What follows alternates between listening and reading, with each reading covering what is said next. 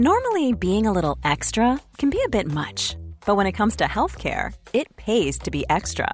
And United Healthcare makes it easy with Health Protector Guard fixed indemnity insurance plans. Underwritten by Golden Rule Insurance Company, they supplement your primary plan, helping you manage out of pocket costs without the usual requirements and restrictions like deductibles and enrollment periods. So when it comes to covering your medical bills, you can feel good about being a little extra. Visit uh1.com to find the Health Protector Guard plan for you. Hey, Dave. Yeah, Randy. Since we founded Bombus, we've always said our socks, underwear, and t shirts are super soft. Any new ideas? Maybe sublimely soft. Or disgustingly cozy? Wait, what? I got it. Bombus. Absurdly comfortable essentials for yourself and for those facing homelessness. Because one purchased equals one donated. Wow, did we just write an ad? Yes. Bombas. Big comfort for everyone. Go to bombas.com slash ACAST and use code ACAST for 20% off your first purchase.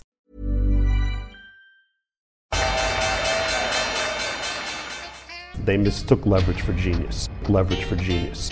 I would recommend Japan. The governments don't rule the world. Goldman Sachs rules the world. Velkommen til en ny episode av podkasten 'Tid er penger'. En podkast med Peter Warren. I dag er vi kommet til episode nummer 86, og vi har vel eh, seks-syv temaer i dag. Snakker litt om markedet, Snakker litt om eh, risikojustert avkastning. Eh, snakker om eh, en sak med Forbrukerrådet. Som alltid skal vi komme inn på psykologi. Eh, det er, kommer til å ta litt opp om eh, hedgefond og turbulente markeder. Peter har en ny bok å anbefale av en eh, person som jeg tror vi begge kjenner. Toucher litt inn på både Wirecard, Airbnb og diverse hedgefondforvaltere. Så da har du liksom oversikt over hva som kommer i dag. Det har vært heftige siste dager i markedet. Ja, altså forrige uke var, jo, var det jo ganske friskt. Uh, jeg gikk gjennom tallene for og så på en, på en, rekke markeder. Og Japan var faktisk det, det, markedet som var oppe i forrige uke. Det var opp 1,41 mens, mens Nasdaq var ned 3,12% og SMP 500 ned 2,31% Det interessante med de to er at Nasdaq var ned over 10 fra, fra, fra toppen. Uh, og dette gikk jo på to dager. Og SMP var på det verste ned, ned nesten 6,9% Og igjen, enda mer interessant, var at jeg hadde akkurat sett på uh, disse tallene, fordi det jeg la merke til, og som jeg nevnte på Discord at jeg hadde tenkt å, å, å ta opp i podkasten i dag, var at, at, det skjedde noe nytt i, i finansmarkedene uh, i, fra midten av august. Fra, fra, midten av august så, så vi at aksjemarkedene eh, fortsatte å stige og jevnt og, og, og, og, trutt. Men volatiliteten hadde sluttet å falle, og den begynte faktisk å gå oppover. Så jeg begynte å, å se litt på så Det på en måte er det motsatte av hva vi vanligvis har, har opplevd. Stort sett har aksjer opp betydd at volatiliteten, altså opsjonspriser, faller. Men her så vi det motsatte.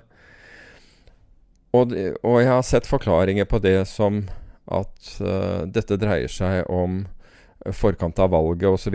i USA.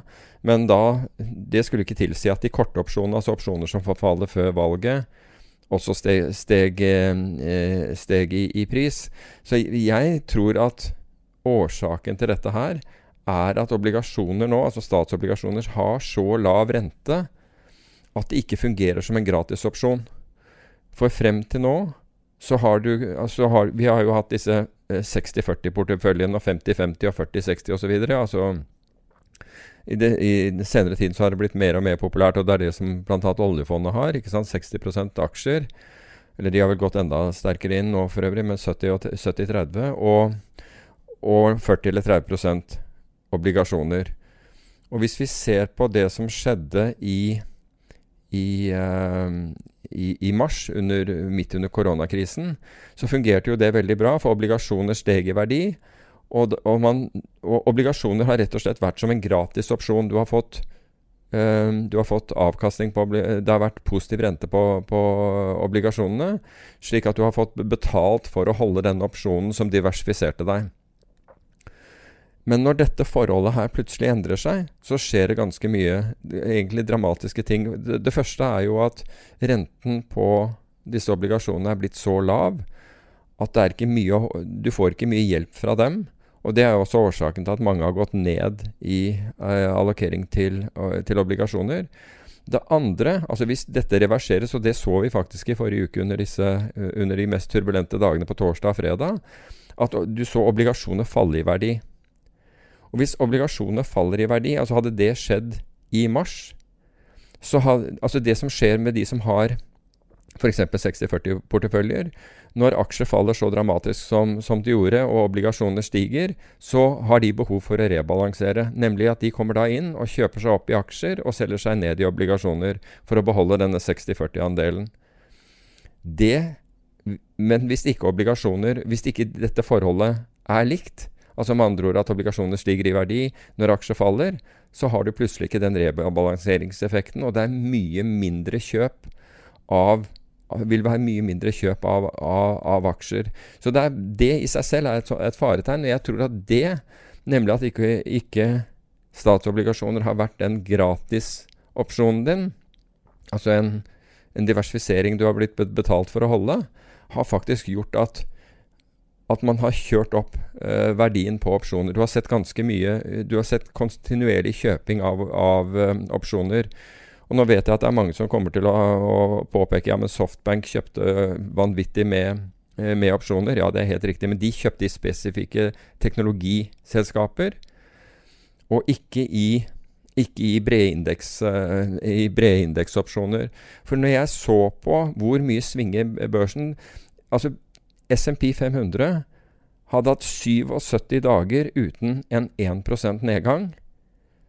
Og får og det som skjer når markedet faller 1 den dagen, så, den, så stopper det ikke ved å falle 1% den faller over 4% Så du får plutselig Det er, det er ikke som du får en, en sånn jevn overgang.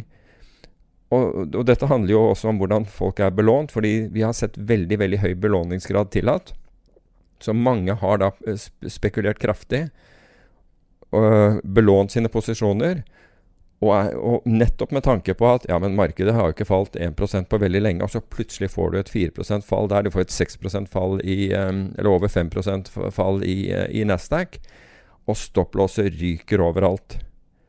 Og det, du så påfølgende selging på fredag, og så korrigerte det litt opp igjen, og så kom det av igjen e, etterpå. Så jeg tror at det er viktig at man forstår at man nå kanskje går over i en annen fase av markedet her. Uh, og så var det en av våre lyttere på, på, som kom på Discord og lurte på altså hvor kunne man se på korrelasjoner mellom forskjellige aktive klasser og, og, og, den type ting. Og det er greit å se på korrelasjoner, for det har eksistert da denne korrelasjonen mellom, mellom obligasjoner, statsobligasjoner og, og aksjer. Men korrelasjon for det første er, er, ikke stabilt, det forandrer seg over tid. Og det andre er at det er veldig ofte betinget. Og den korrelasjonen mellom obligasjoner og aksjer tror jeg er betinget på at obligasjoner betaler deg en ordentlig rente. Vi snakket jo om for ja, over et år siden, da, da statsobligasjoner i amerikanske tiåringen var på 3 at det var en veldig bra hedge. Og det viste seg å være det. Men når du har 0,6% rente, så er det en vesentlig dårligere hedge. Og da forandrer du Da betingelsen for at du skal bruke den, borte. Og dermed så, så, løper markedet rundt og prøver å finne hva i all verden skal vi sikre oss med nå, fordi porteføljene våre er konsentrert rundt veldig mye aksjer og obligasjoner. Og det er det jeg tror vi så uh, en del av i forrige uke, slik at det er liksom blitt en omstokk, da.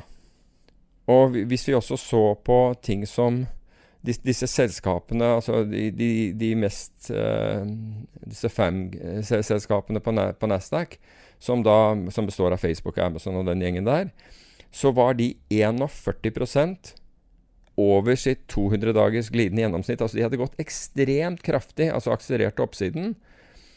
Og under, uh, under .com den boblen Altså, vi har ikke hatt så, et sånt forhold siden dotcom smalt, men det, da var den 55% Da var faktisk markedet 55 høyere enn, det, enn sitt 200 dagers glidende gjennomsnitt.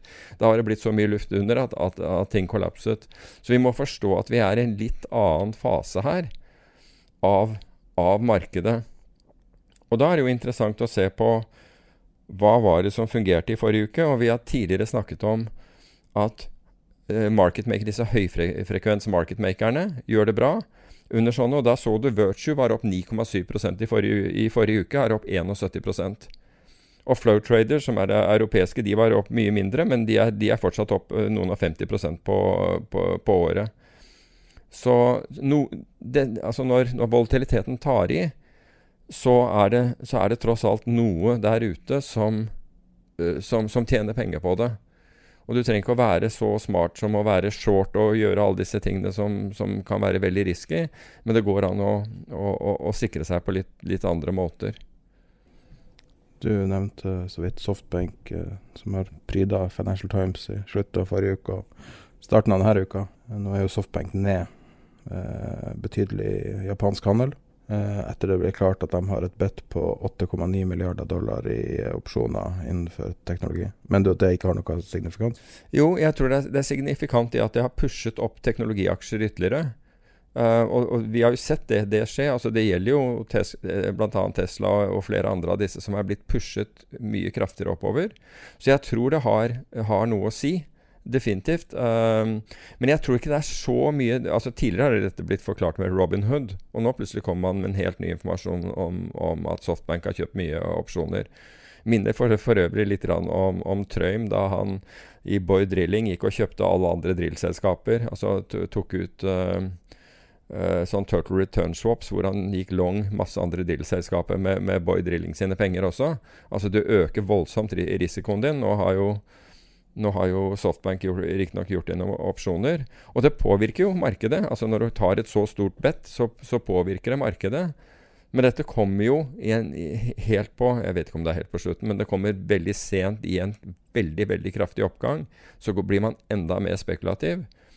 Men dette kunne også Det er mange måter å utnytte den, den økte volatiliteten også. Um, så det er ikke som, som man ikke har muligheten til, til å gjøre noe. Men det vi så, var jo at VIX-indeksen, som allerede priset opsjoner veldig høyt i forhold til hva det svingte. Uh, og, og, det var egentlig det som Det var det jeg la merke til. Jeg tenkte VIX da, så høy VIX som vi hadde, og så svinger aksjemarkedet så lite. Hva kan forklaringen være på det? Det var egentlig det jeg begynte med. og, det, og hadde vi hatt denne hadde vi hatt denne podkasten forrige mandag, så hadde vi snakket om det, snakket om det der. Og min, min take på det, det var rett og slett fordi du, har ikke Altså, folk ble tvunget til å kjøpe opsjoner for å, for å kunne dekke av noe risiko her i det hele tatt. Fordi statsobligasjoner høyst sannsynlig vil, vil ikke fungere sånn som det hadde fungert f.eks. under covid, og sånn som det fungerte i, i 2008. Men vi fikk jo Altså, det var jo en rekke ting som, uh, som også skjedde samtidig, og ikke minst det der at uh, vi hadde jo splitten av Tesla. Altså når, når Tesla ble, ble, De splittet aksjen i, i, fem, og du fikk den kraftige oppgangen etter det. Um, og da må jeg jo si at vi, vi har, Dette har vi jo snakket om tidligere, hvor um, the proof of the, the, pudding is in the eating. Og det vil være hvis Tesla klarer å hente inn penger på, på dette nivået. Og da finner Tesla ut at de skal, de skal gjøre en emisjon selv. Altså de skal begynne å selge egne altså trykke aksjer og, og selge inn i markedet 5 milliarder, for, for 5 milliarder dollar inn, inn i markedet selv. Uh, noe som utgjorde ca. 1 av uh, verdien på, uh, på, selskapet.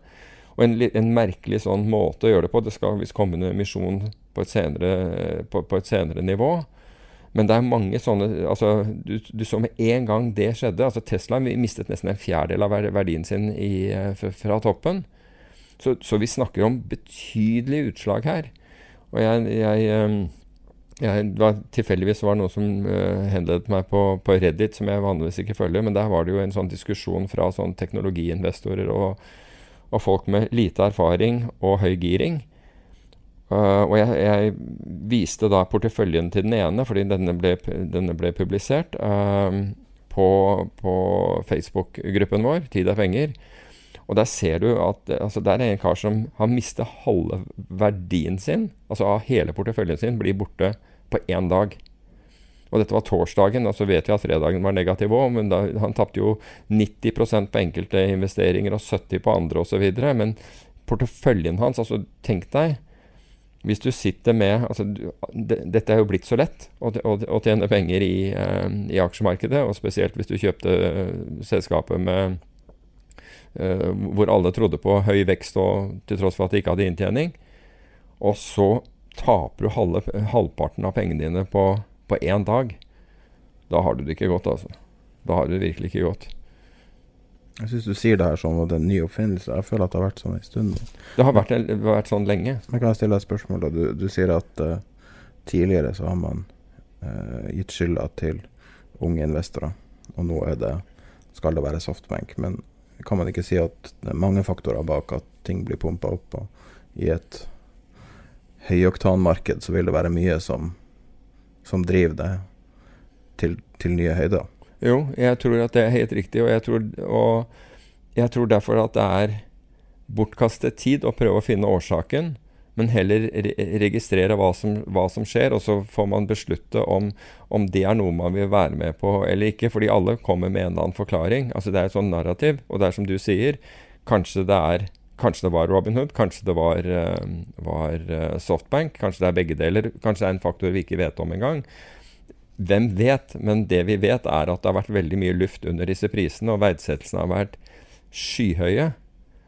Jo, øh, men, men, mens vi er inne på, på, på, på, Tesla, Bailey Gifford, som da er den største aksjonæren i Tesla, de hadde jo til de grader Altså hvis dette var en ren porteføljejustering, så må jeg jo si at den var jo fantastisk timet når de selger seg ned fra 6,32 av, av, av Tesla til 5% det kunne ikke gjøres på et bedre tidspunkt, det må jeg si, de, dette skotske forvaltningsselskapet. Er det samme regler som i USA som i Norge, at under 5% har du ikke meldeplikt?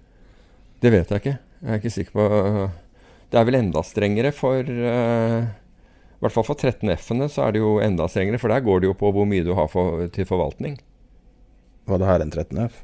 Nei, dette er ikke en 13F. Men de, 13F er jo kvartalsvis. Ja, men, men, de, nei, nei, eh, de har jo definitivt feilt en 13F eh, også, men, eh, men, det, men, men, i USA så er det jo mange forskjellige regler. Bl.a. den der at hvis du har over X til forvaltning, så må du, så må du disclose posisjoner også. Jeg så på etter den meldinga om de har noen institusjonelle investorer igjen. For de har jo ofte vært tjent for å ha én, og det er Bailey Gifford. Det var et fond som jeg må innrømme at jeg aldri hadde hørt, hørt om før. Som heter noe sånn Capital Partners Group eller noe i den døren. Som er over 1000 milliarder dollar. Wow. Og man har aldri hørt om det. Ja, det, det, var, det var, var investorer. ut fra det jeg kunne se, så så det ut som at de ikke har indeksfond, men det kan jo være at det er et indeksfond. Ellers er det jo sånne indeksrelaterte eiere som er ganske store. Eh, men nå virker det jo som at de har veldig mye private investorer og, og, veldig lite institusjonelle, og så skal de ha en emisjon. Ja.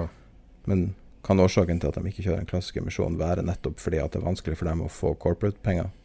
Jeg, jeg, tror jo også Kanskje altså Det ville jo være Syretesten var om de fikk, fikk corporate-penger til dette her. Og siden vi ikke ser Og vi må legge til en ting til. altså De kom da ikke med SMP 500-indeksen, som veldig mange har trodd at ville skje til tross for at selskapet hadde vært, uh, hadde vært lønnsomt uh, lenge nok til at normalt sett skulle du komme inn i indeksen.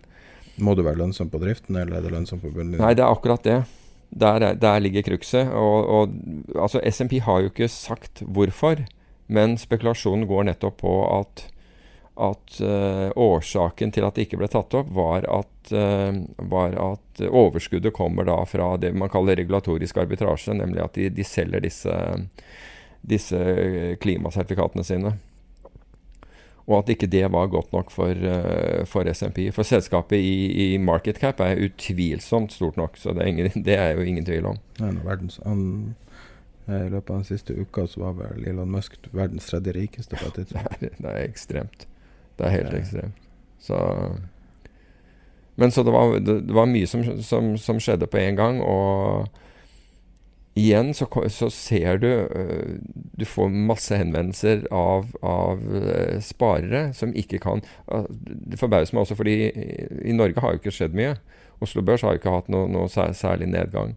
Så det er tydelig at folk er mer eksponert mot, mot disse teknologinavnene, enn, i hvert fall, også i Norge, enn, enn jeg hadde trodd. Men da får du også sånn ja, men dette kan jo ikke skje, for dette er Og nå skal den inn i, for Teslas del, inn i SMP 500, og det er alt er ja, alt er i skjønneste orden. Men uh, hvis vi går tilbake til de her fem milliardene altså Jeg tror at hvis de hadde gjort en fem milliarder, altså en emisjon dag Den går X i dag, eller et eller annet sånt, eller vi skal ha det inn nå, så hadde det vært litt annerledes. Denne måten de gjør det her, uh, sier de jo ikke når de skal selge. Så de vil bare være en del av volumet hver eneste dag, og de kan velge hvilke dager de skal selge på osv. Så, videre. så det er jo en litt merkelig innretning. Jeg kan ikke huske å ha sett den innretningen før, jeg, men uh, Ethvert selskap har vel treasury shares, altså aksjer i seg sjøl. Man bruker det vel uh, Ikke hvert, men, men uh, Hvis du har opsjoner, så må du vel ha det, må du ikke det? Nei, fordi uh, det kommer an Nei, hvis du har warrants, så må du kanskje ha det. Okay. Men, ikke, men, hvis du har listede opsjoner, så er de helt uavhengige av, av underliggende. For det, de, de, skapes jo Det skapes en ny opsjon hver dag. Men hvem sine aksjer er de selv? Er det er det Elon Musk sine som har fått bonus? Nei, nei de, de, de, de småemitterer for å gjøre dette her, slik jeg forsto det. Så du kan si at de, de, rett og slett gjør Altså de har en emisjonsfullmakt på, på 5 milliarder og rett og slett bare selger pent og rolig inn i markedet. Det er jo, altså, altså det er jo en bra måte å utnytte aksjekursen på. Herregud. Ja, hvis, ja vet, det vet vi ikke ennå, i og med at denne selskapet har mistet nesten en fjerdedel av verdien siden dette, dette skjedde. Det er ganske høyt fortsatt. Altså. Det er veldig høyt fortsatt. Ingen tvil om det. Men det blir, det blir Billig finansiering for dem. Ja.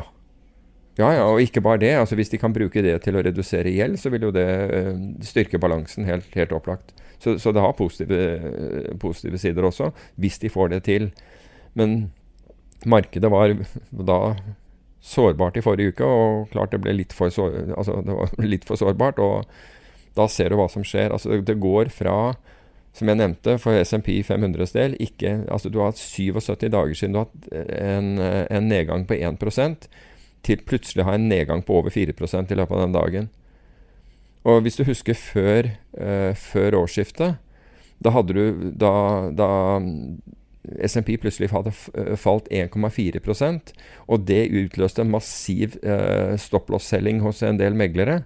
Eh, vi, vi, tok det opp i podkasten den gangen fordi jeg eh, hadde kontakt med amerikanske megler som fortalte at i dag hadde de enormt med tvangssalg. Så kan du tenke deg hva 4% utgjorde den dagen. Det, det, være, det, var ganske voldsomt.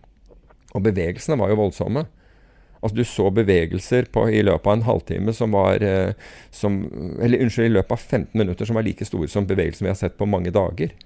Jeg så en interessant statistikk at fallet til Apple og Tesla i markedsverdi på to dager tilsvarte markedsverdien til Berkshire Hathaway. Wow. Ja, da er det penger. Si litt om størrelsesorden på de selskapene. For Berkshire Hathaway er jo da eh, verdens største reasrør. Altså, verdens, altså basically den som tar mest risiko av alle i verden i forsikringsbransjen. Ja. He, for hele verden. Og så er det to dager med markedsfall. Og det er jo ikke et spesielt stort fall uh, i forhold til verdien. Altså nei, totale verdien. Nei, nei, nei. Ikke i det hele tatt. Du, vi har fått et spørsmål eh, egentlig flere ganger som du, du, ikke har skrevet opp. Du har kanskje sett det. Eh, det er folk som spør deg om eh, noe vi faktisk aldri snakker om, som er Oslo Børs. Mm. Uh, nå har ikke vi snakka om det på forhånd, så jeg vet ikke om du har noe å si. Men uh, er det noen spesiell grunn til at du ikke vil snakke så mye om Oslo Børs, ikke har det som et tema? Jeg har du noe å si om selskaper i Norge? verdien og markedet og hele pakka? Nei, altså, det, det, er, det, det er, to ting eh, jeg vil svare til det. Det ene er at alle snakker om Oslo Børs. Altså, Avisen er full av det. altså Dagens Næringsliv og Finansavisen er full av det hver eneste dag. Eh, jeg har ikke noe, noe, noe bedre formening om det enn annen. Og det, og det tredje er eller det andre her, unnskyld, er at, uh, er at Oslo Børs egentlig er et derivat av det som skjer ute altså det som skjer ute i verden. Når amerikanske markedet, så vil folk da si ja, men du så forrige uke Oslo Børs falt ikke tilsvarende.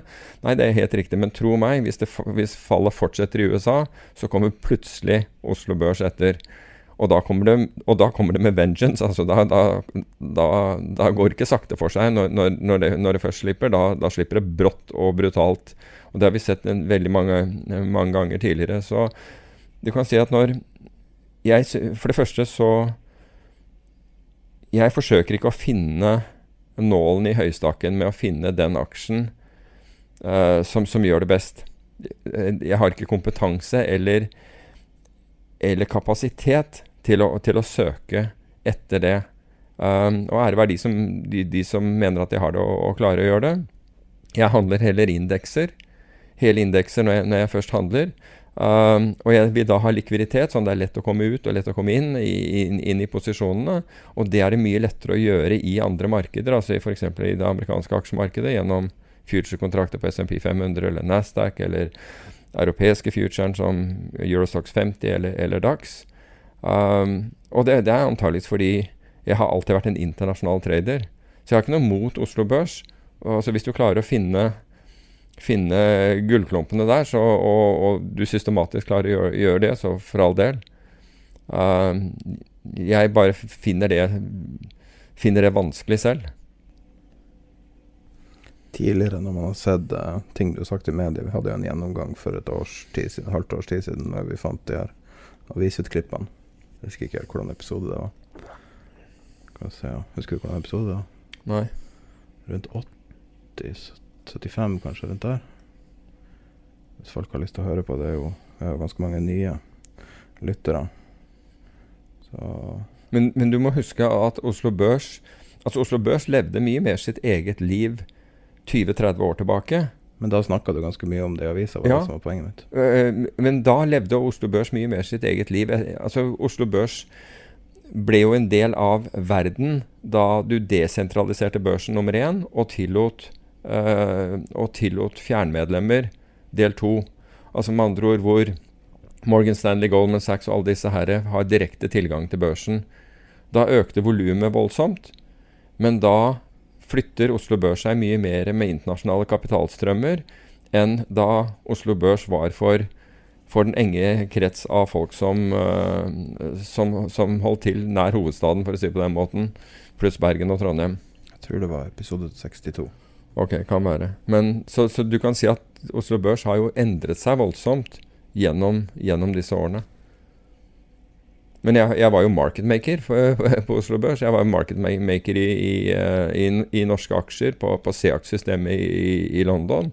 Og jeg var marketmaker i uh, aksjeopsjoner på, ved Oslo Børs, altså, som var notert på Oslo Børs fra 1987 til Jeg husker ikke hvor mange år jeg holdt på med, med det. Det var i hvert fall 97, år, det?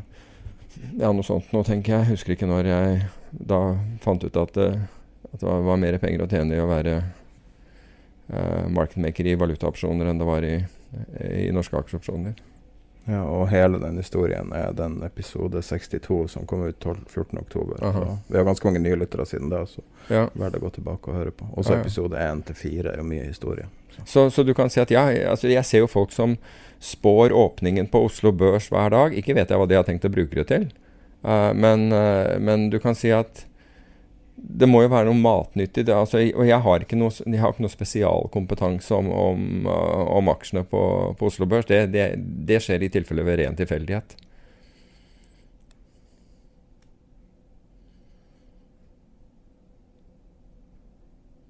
Det er en ting du har snakka mye om, eh, for å bytte tema litt. Mm eh, i, som jeg aldri egentlig har hørt noen andre i Norge snakke om, er risikojustert avkastning. Ja. Ofte utregna med sharp ratio. Ja, det er en eh, måte å se det på, i hvert fall. ja. Og jeg var jo med deg, eller var, var i salen, da, eh, når du vant eh, eh, med egentlig alt som var å vinne på Nordic Hedge en av de siste årene du jobba som mm. hedgefondforvalter.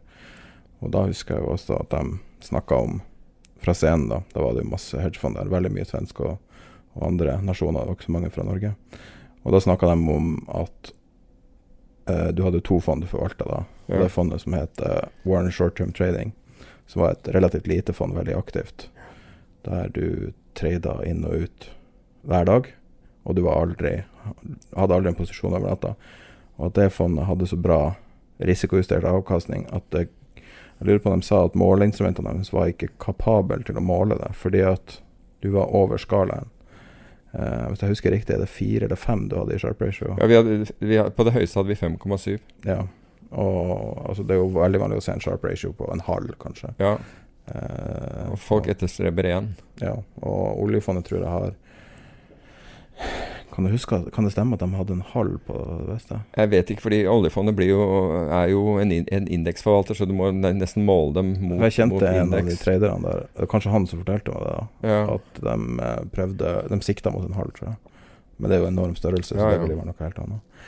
Men øh, øh, kan ikke du fortelle folk litt om hva risikojustert avkastning er, og, og det, hvorfor det er viktig tema? Jo, altså eh, Årsaken til at vi snakker om dette overhodet, var at en av, en, en av lytterne via Discord eh, la en link til en, uh, til en blogg hvor de mente at risikojustert avkastning var bare tull. Det var totalavkastningen som telte. Så det var liksom uh, biten var hvor mye du hadde etter 20 år.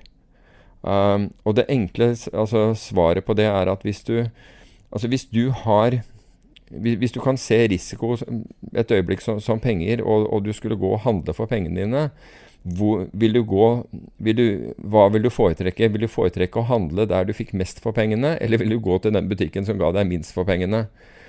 Det, det logiske svaret for de aller fleste, med mindre det er noe sånn der brand names og, og, Louis Vuitton name eller noe sånt noe som- hvor folk ikke bryr seg om hvor mye det koster, så vil de gå inn og handle der de får mest for pengene sine.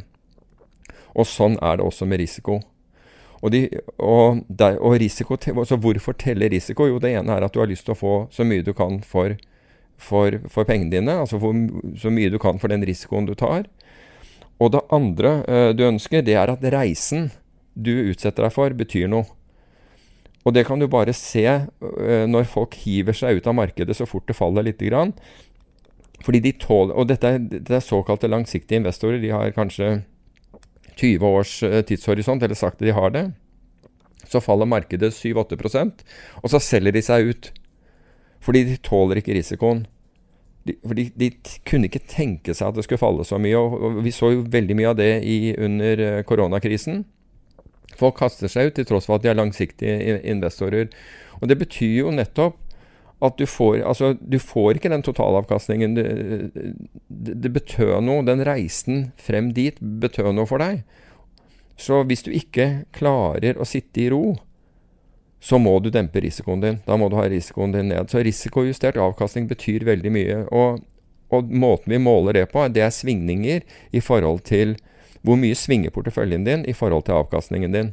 Det er svingningene avkastningen ø- ø- på, på porteføljen minus den risikofri renten delt på det vi kaller standardavvik, årlig standardavvik. Jeg kom til å tenke på noe når jeg tenker på hvordan en graf ser ut med høy sharp ratio.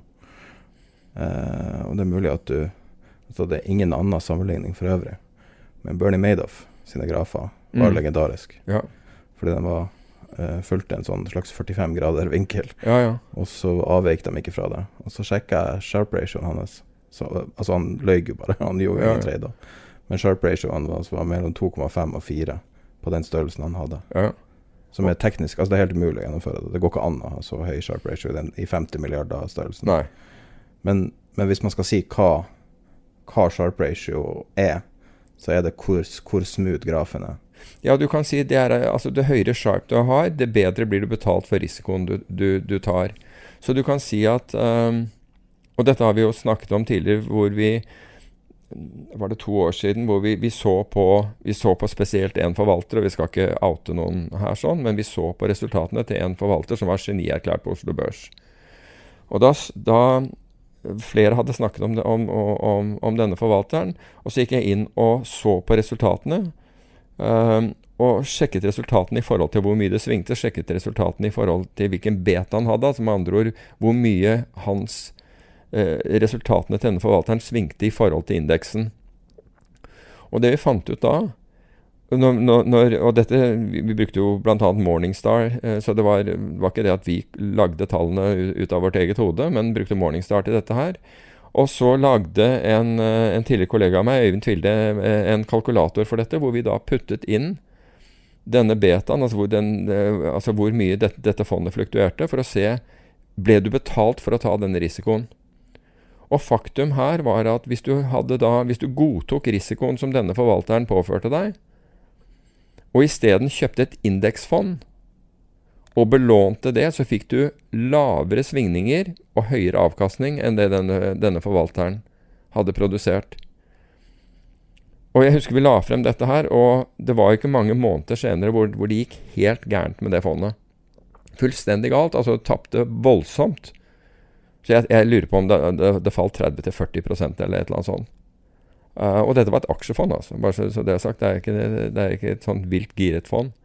Så reisen betyr noe. Og når vi snakker om 5,7 uh, uh, i, sharp ratio, da husker jeg også fordi uh, jeg måtte si noen ord i forbindelse med, med den, den, prisen. Og da, da, sa jeg at jeg dette er et nivå som jeg, som jeg ikke, ikke, kan forvente at vil holde seg. Og hvis du har en sharp, sharp mellom 1 og 2 et eller annet sted, så vil jeg være meget, meget fornøyd.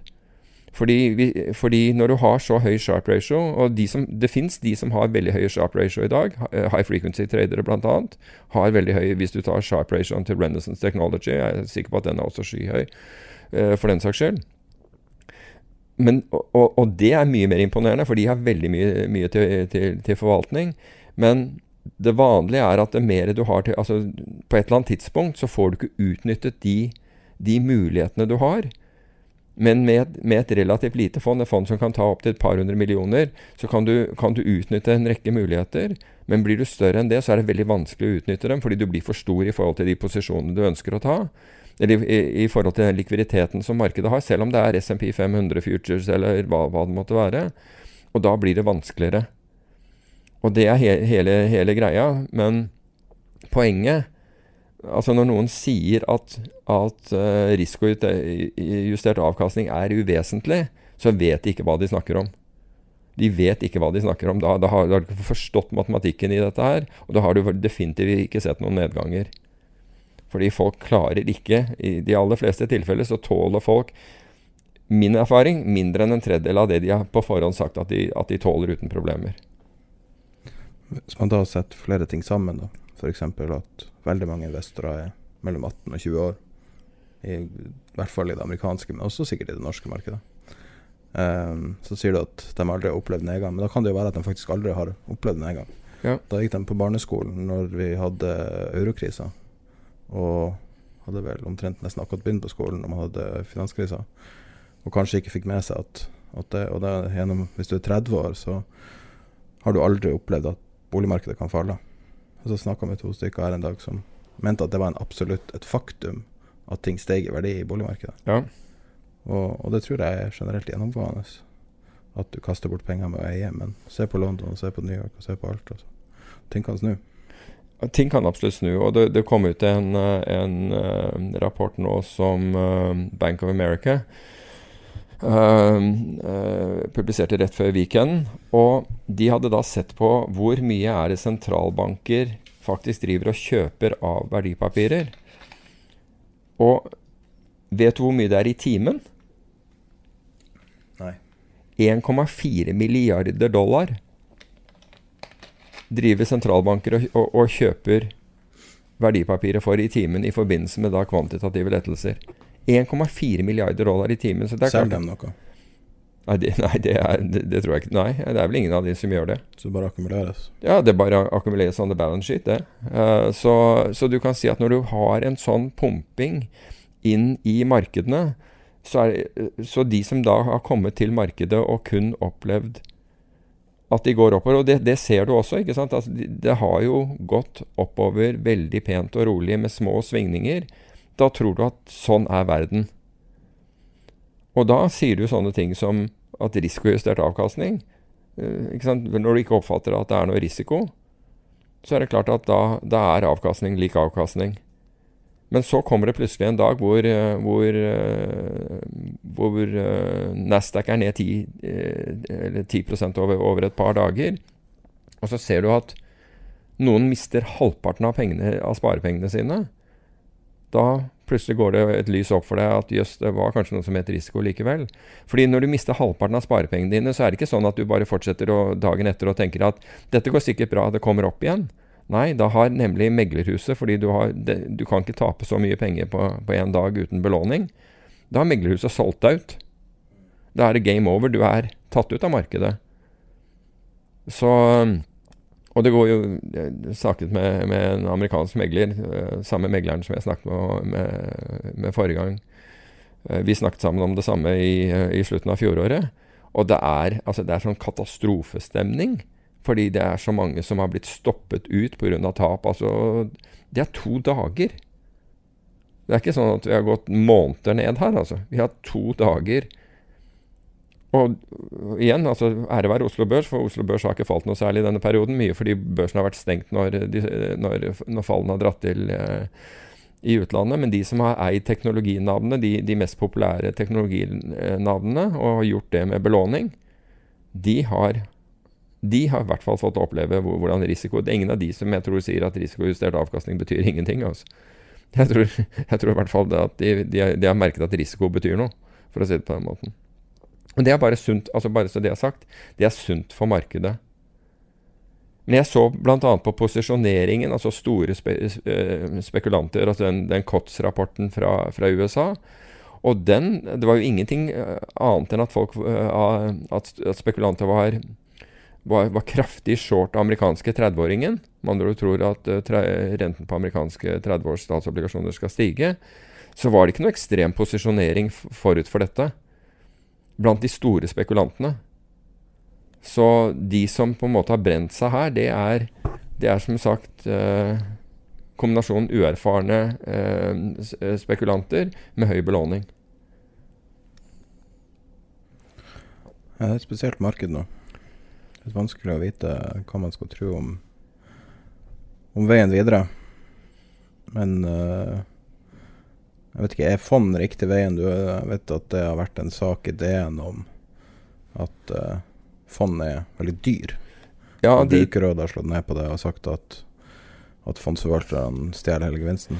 Ja, de så på aktive forvaltere da, um, og, og, hadde en rapport på, uh, på, det. Og de mener da at aktive forvaltere går av gårde med uforholdsmessig mye av, uh, av uh, gevinsten.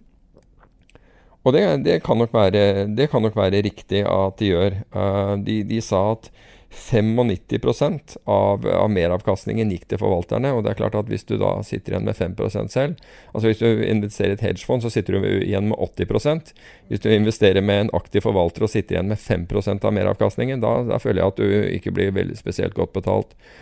Men poenget var og Dette er en studie som er gjort over, over 20 år, og de definerte dyre fond som de som tok mer enn 1,75% i, uh, i forvaltningshonorar i, i, året. Og denne rapporten viser, som andre rapporter har vist tidligere, og det er at uh, en forvalters avkastning over en periode ikke har en prediktiv virkning, prediktiv, virkning på, på, hva, på hvordan det vil gå fremover.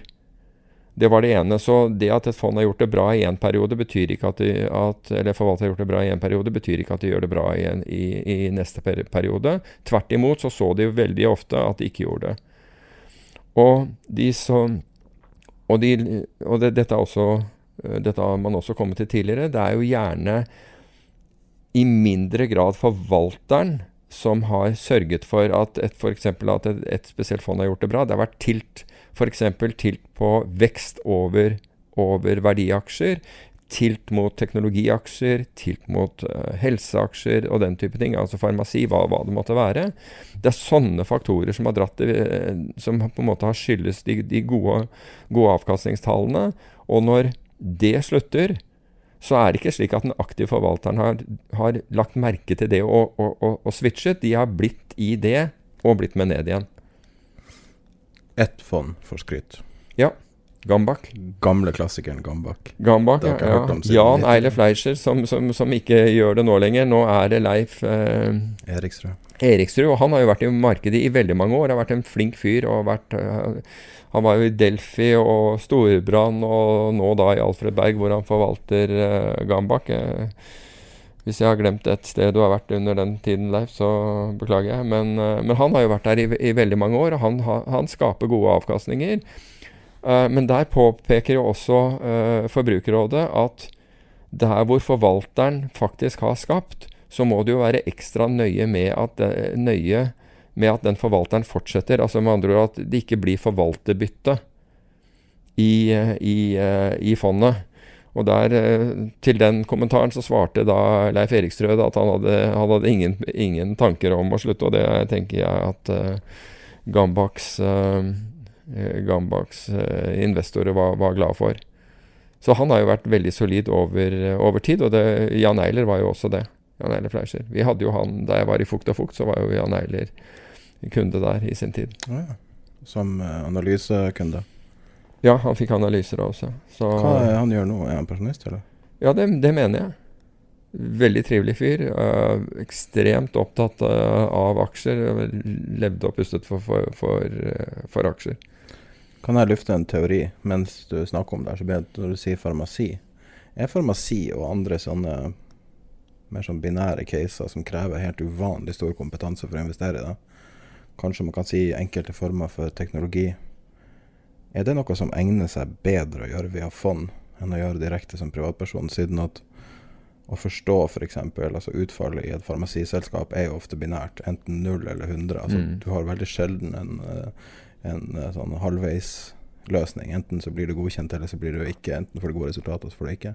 Så lurer jeg på, er det, en, er det noe som du erfaringsmessig sier at hvis du først skal investere f.eks. i kreftforskning eller lignende, så burde du gjøre det via fond?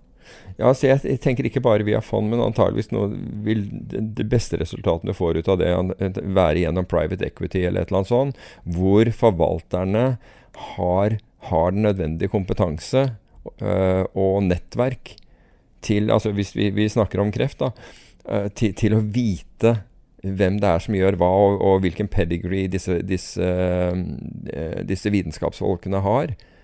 Så du, du må være nær på jeg tror at for eh, for, for liksom menigmann å klare å finne det rette, eh, det rette selskapet her, det blir veldig lotto. Altså, du, du, er kanskje heldig å få én igjen, eh, få sånn ordentlig innertier på én, men det blir veldig mange som går, som går den andre veien.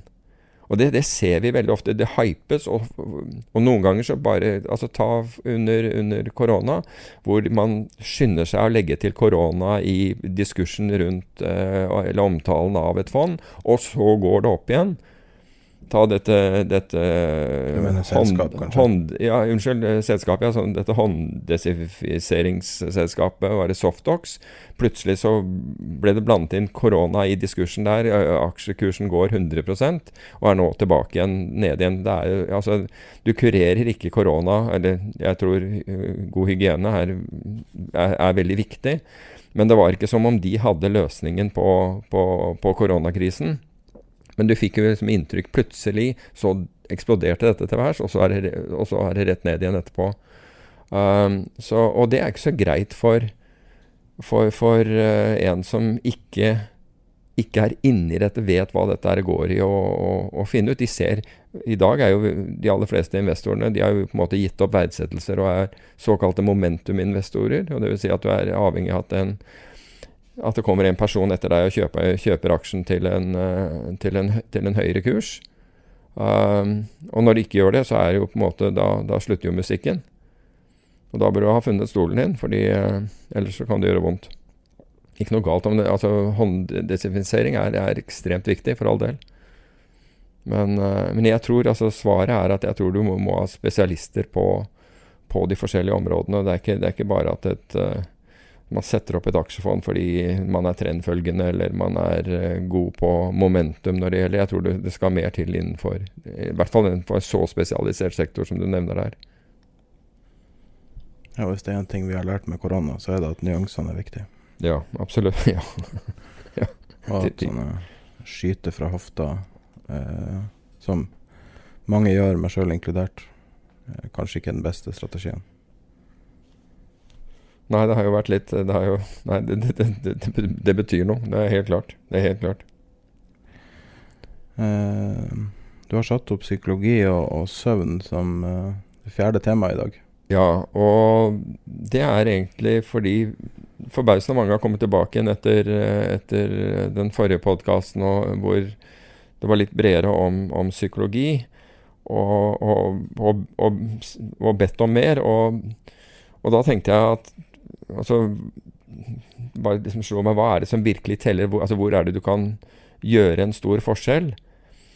Og søvn utgjør kanskje en av de aller, aller, aller største forskjellene. Og det gjelder jo ikke bare om du er investor, trader, men om du er idrettsutøver, om du Altså i, i livene våre, våre, generelt. Men hvis vi tar når det gjelder, når det gjelder dette med, med trading, hva er, det, hva er, det, som skjer med deg? Jo, det er altså hvis du har lite søvn, så reduseres konsentrasjonsevnen din det, det, reduserer også hvor mye informasjon du kan ta inn. Og du skjønner da, altså De aller fleste vil skjønne at hvis de skal sitte og prøve å, analysere inform eh, eller, eller, eller, eh, eller, kjøpe og selge, så er det viktig at du klarer å ta inn informasjon. Det reduserer reaksjonstiden din. Men veldig, veldig viktig er at det demper faresignaler.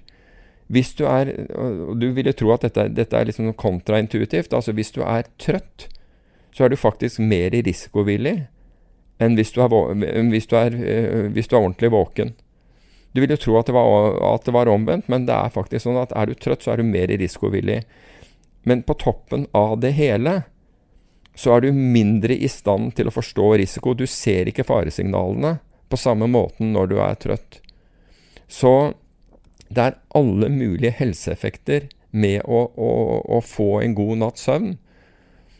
Og når du tenker at du, du, setter deg ned og du skal konkurrere med resten av verden på, på, på, på dealer, da, for du prøver å, å kjøpe, det, altså kjøpe, noe før alle andre ser det, og selge det før alle andre ser at det, at det, skal gå ned, så bør du være så god som du kan. Og Vi har snakket om det og, ernæring, og vi har snakket om hydrasjon, og vi har snakket om mosjon. Men søvnen din er ekstremt viktig. Så hvis du liksom har hatt en virkelig dårlig natt og setter deg ned og skal prøve å, å, å, tjene penger, så er det viktig å huske at nå er jeg ikke optimal. Nå kommer jeg ikke til å være optimal, så der må jeg være Men sannsynligvis så vil ikke hjernen din fortelle deg at nå må du være mer forsiktig. Tvert imot. Den, den oppdager ikke faresignaler, så den gjør at du gjør det motsatte. Men vissheten om det, betyr kanskje at du kan skru på litt, litt ekstra. Og I tillegg til, til dette altså, så svekker jo altså hvis du, hvis du, sover dårlig, svekker immunforsvaret ditt. Det gjør at uh, rehabilitering, altså evnen din, altså hvis du har trent eller hva, hva som helst, at du, du gjenopphenter mye, mye saktere. Så søvn, altså hvis du kan gjøre én ting som virkelig vil slå ut på hele livet ditt, inkludert dette her, men når det gjelder alt mulig annet, trening, whatever du gjør, studier, evnen til å absorbere informasjon og evnen til å huske, så er søvn altså Det er jo ingenting som er så, om du vil, billig og effektivt som det å få en god natts søvn. Så det, det kan ikke undervurderes. Og hvis du ikke har hatt det, så bør du liksom sette en svær lapp foran deg at i dag må jeg være forsiktig. Hvorvidt du klarer å ta det inn selv med den, det vet jeg ikke, men, eh, men det er lurt. Så den ene dagens på en måte tekst er sov ordentlig. Sov nok. Uh, det er kjempeviktig.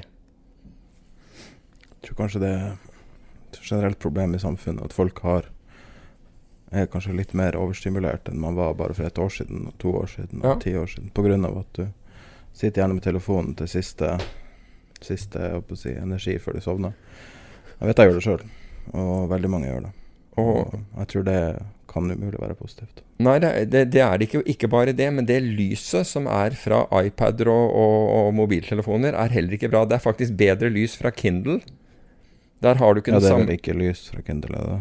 Jo, det er lys på Kindle òg. Okay. Ja. men, men det, det, er et spesielt blått lys som, som, uh, som uh, tablets, altså iPader og, og, te og, telefoner avgir, som gjør at du kommer saktere ned i den riktige søvnrytmen. Så det, så det siste du gjør hvis, du, hvis, det er å se på telefonen om kvelden, det er ikke lurt. Det er rett og slett ikke, ikke smart.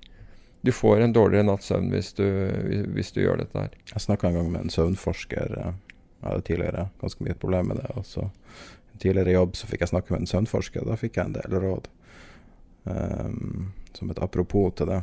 Uh, at uh, å ikke tilbringe tid på rommet når du ikke sover. Og så forberede kroppen på å legge seg. Mm. Det, og hennes råd var vel å stryke sengeklærne hver kveld på samme tidspunkt for å lage en sånn rytme at du, at du uh, de siste timen eller to timene, så begynner du liksom å preppe deg inn i søvna. Ja. Ganske ekstremt å, å gjøre det hver kveld. Jeg tror ikke jeg har kapasitet til det, men Men, men senke lyset er også en ting man, man kan gjøre. Altså, du kan senke lyset i, i f.eks. i stuen. Hvis du bare gradvis altså, tar, tar det litt ned. Det vil også hjelpe deg eh, i så måte, istedenfor at du går fra liksom, knalllys, og så bom, skal du, eh, skal du sove. Men eh, det viktige her er at folk Altså, alle er ute etter indikatorer, er villige til å abonnere på market letters og alt mulig rart. Og så søvnen din er gratis. Altså, du Folk vil ikke gjøre de tingene Altså, hadde du, hadde du, hadde du solgt søvn og det kan du sikkert gjøre i form av, av uh, sovetabletter, men det, det, er ikke noe jeg anbefaler. Bare ja, ta Inovan eller noe sånt, det hjelper sikkert. Ja, det er, det er, godt mulig, men nå er ikke jeg lege, så, det, så jeg skal ikke anbefale folk å gjøre det. Men hvis folk har et medisinsk behov for det, så er det, så er en, en, en, annen ting. Men, men, hvis du hadde på en måte solgt det, altså hvis du hvis du hadde satt opp, hvis det, hvis det på boksen sto hva dette, hva dette ville gjøre, alle de positive tingene dette ville gjøre for deg, så hadde folk kjøpt det. Men det at det er gratis altså De vil heller gå og kjøpe seg en eller annen teknisk indikator eller et, et market letter fra noen, eller noe sånt noe, fordi de tror at det løser pro problemet. Når det er mye enklere ting som er gratis, og som, og som virker på, på, hele psyken vår. Det, hvordan vi, vi opptrer, humøret vårt. Alt dette har noe å si. Så få en god natts søvn. Det det er poenget. Uh, skal vi se det Financial Times hadde en artikkel, jeg glemte å ta den opp her, om uh, uh, hvordan hedgefond takler med markedene nå. Ja, altså Financial Times er jo, er jo vanligvis ikke en, en, avis som er veldig positiv på, på, hedgefond. De har jo en sånn negativ tilt til det, men det er jo greit nok. altså Fordi det er, det er mye negativ hedgefond der ute, så det jeg, jeg, jeg, forstår bakgrunnen, selv om jeg syns at de er litt over the top. Men de gikk da på hedgefond som handlet i volatilitet. Og sa at å, de, Men de tapte jo veldig mye under krisen. De skulle jo egentlig ha, ha tjent mye penger under covid-krisen. Problemet var at det utvalget av hedgefond de hadde valgt, de var alle short volatilitet. Og eh, vi snakket jo om den XIV rett når den imploderte, den, den ETF-en. Uh, eh, og det er ikke annerledes med, med, dette. Og jeg hadde jo det, det interessante her at da jeg var i i Miami i januar, ved den finanskonferansen som er der borte, så hadde jeg jo møte med en rekke volatilitetshedgefond. Og, og, så på disse strategiene, og, sa, og, og, de kunne da vise meg backtester hvor lenge dette hadde gått. Men jeg, jeg så på strategiene og tenkte at ved flere tilfeller at det, disse er langt fra skuddsikre. Altså de, de, men, de mente selv at de, de, hadde en de var short volatilitet, men hvis noe skjedde, så var det ikke så farlig. Og jeg så en av de som uh, nå på LinkedIn En av de som, uh, som var helt overbevist uh, om, om, om fondet sitt. Det var, liksom, det var ikke altså, De mente at her ville renne inn penger. De hadde gjort det så bra. og det, dette her, De hadde rett og slett funnet Sareptas krukke. Jeg så nå på LinkedIn at han var blitt nå management consultant. Så det fondet eksisterer ikke lenger. Så, um, så, så Men det er helt, jeg syns det er helt fair at man uh, av Financial Times å ta opp og advare om, om disse her. Men du, du, så ikke Logica nevnt, du, du, du så ikke Deepfield nevnt, du så ikke Universa nevnt, og en rekke andre som har Certesia, som har gjort det veldig bra under denne krisen. Som er slått rekorder, noen av dem. Så. Hva sier du? Altså Universet har nå vel slått alle rekorder som er å slå. Ja, ja. Så, men, så, og, og, det Financial Times har skrevet, har skrevet om uh, Spitznagel uh, tidligere, bare, bare, så det er sagt. Men, uh, men altså, jeg, jeg syns jo at det er, det er, viktig å påpeke at dette var, dette var, fond som var short, altså som hadde som, som investeringsfilosofi å være short volatilitet. Og da kan du ikke forvente at ikke det taper penger når volatiliteten stiger fra 12% til 90 da? Og du er short. altså Hvis du var short en aksje som steg fra 12 til 90 kroner, så vil jo alle, alle forstå at det der må gjøre vondt. Også Som et lite apropos um, alle, Du nevner jo mye Financial Times, og alle artikler som henvises til i podkasten, blir lagt som link i beskrivelsen. Så Hvis du bruker en app, så kan du ofte dra til sida, så får du lese beskrivelsen. Det er også link til Facebook-gruppa, og så er link til det som du omtaler som Discord, som er en chat som bruker da det der programmet Discord. Du kan gjøre det som app, og, og da kan du chatte realtime. Eh, som et lite hint også på Financial Times, så har de det man kaller en soft paywall. Det er ganske dyrt å abonnere på Financial Times. Jeg tror du abonnerer på det? ikke det? Jo, jeg gjør det. Så hvis du har lyst til å lese artiklene, og du, kommer, du klikker på linken og du ikke kommer inn, så kan du google tittelen og gå via Google News, og da får du lese den gratis. Så det er et litt sånn, litt sånn hack. Hvis du gjør hva, sa du? Så hvis du klikker på linken fra vår beskrivelse, ja. så kommer du til en paywall. Ja. Og hvis du tar den tittelen som står der, for tittelen står der, og så googler du tittelen, så kommer du til eh, Google som er Og første treffet vil være den artikkelen. Så klikker du der, og da kommer du inn som en news Altså som eh, Du har en annen på en måte entitet i Financial Times-systemet. Oh, ja. Og du får så lese det gratis. Yes. Wow. Så det, det er mange, som, mange unge folk som bl.a. abonnerer på podkasten, som absolutt ikke har råd til å abonnere på Financial Times. Nettopp. Det er jo mye paywaller rundt omkring, så det er jo mye informasjon man nå ikke får inn, som tidligere var veldig ja, tilgjengelig. Jeg tror det er mange som ikke abonnerer på Bloomberg bl.a. nå. Ja. Jeg tror Bloomberg har svekka sin posisjon med å plutselig være utilgjengelig for uh, mm. Ser mindre henvisninger til Bloomberg nå enn før. Allerede, etter bare noen måneder. Så um, det er jo mye informasjon der ute, men det er ikke så mye som er gratis lenger. Nei. Nei, altså jeg tenker jo at hvis den er verdt å ha, så er den ofte verdt å betale for. Men, uh, men man blir jo overøst med informasjon også. Så man må jo på en måte velge sine kilder. Jeg har forsøkt å være veldig Og det betyr jo selvfølgelig at jeg går glipp av, av veldig mange eh, sikkert gode kilder også. Mm. Eh, men jeg prøver å få det ned til relativt få, få kilder. Og så bytter jeg de ut hvis jeg, hvis jeg Enten at det kommer inn nye temaer, eller at uh, eller at jeg ikke syns de er så bra lenger, så bytter jeg dem ut. Så jeg er ganske nøye på det. Men jeg ønsker ikke å bli overøst, fordi nå om dagen Altså i, i vår tid så blir du rett og slett teppebombet med informasjon. Hvis det kommer til realtime-informasjon, så har vi laga en tjeneste også som foreløpig ligger på tiderpenger.com. Mm. Uh, det er da en, uh, en syntetisk newswire, så det er satt sammen av Twitter-brukere som er veldig uh, forutsigbare i forhold til hva de legger ut. Som legger ut da copy-pasta inn fra diverse nyhetstjenester i real time. Mm. Så du får veldig rask informasjon i, hovedsakelig i overskriftsform. det man kaller flash. Flash Ja. bulletins. Så det ligger på tidapenger.com, og du kan også abonnere på den, eh, den lista. Det er Twitter-liste, egentlig. Eh, for å få en uh, Anbefaler å bruke TweetDeck eller tidapenger.com, for det oppdateres automatisk, så du kan bare ha det på i bakgrunnen. Ja. Nå eh, Mulig vi skal utvide litt, uh, drive og plundre litt på å se hva, hva som er mulig å gjøre på internett nå. Nå åpner det seg opp. Uh, sitter og tenker på at én ting jeg har lyst til å legge til. Vi har jo akkurat fått domenet tiderpenger.no etter eh, mange år på venteliste. Mm. Venta på at de skulle gi opp, dem som eide den. Han ville, jeg prøvde å kjøpe det av han, men han ville ikke selge det opprinnelig. Men nå, nå uh, fikk vi tak i det på den normale måten.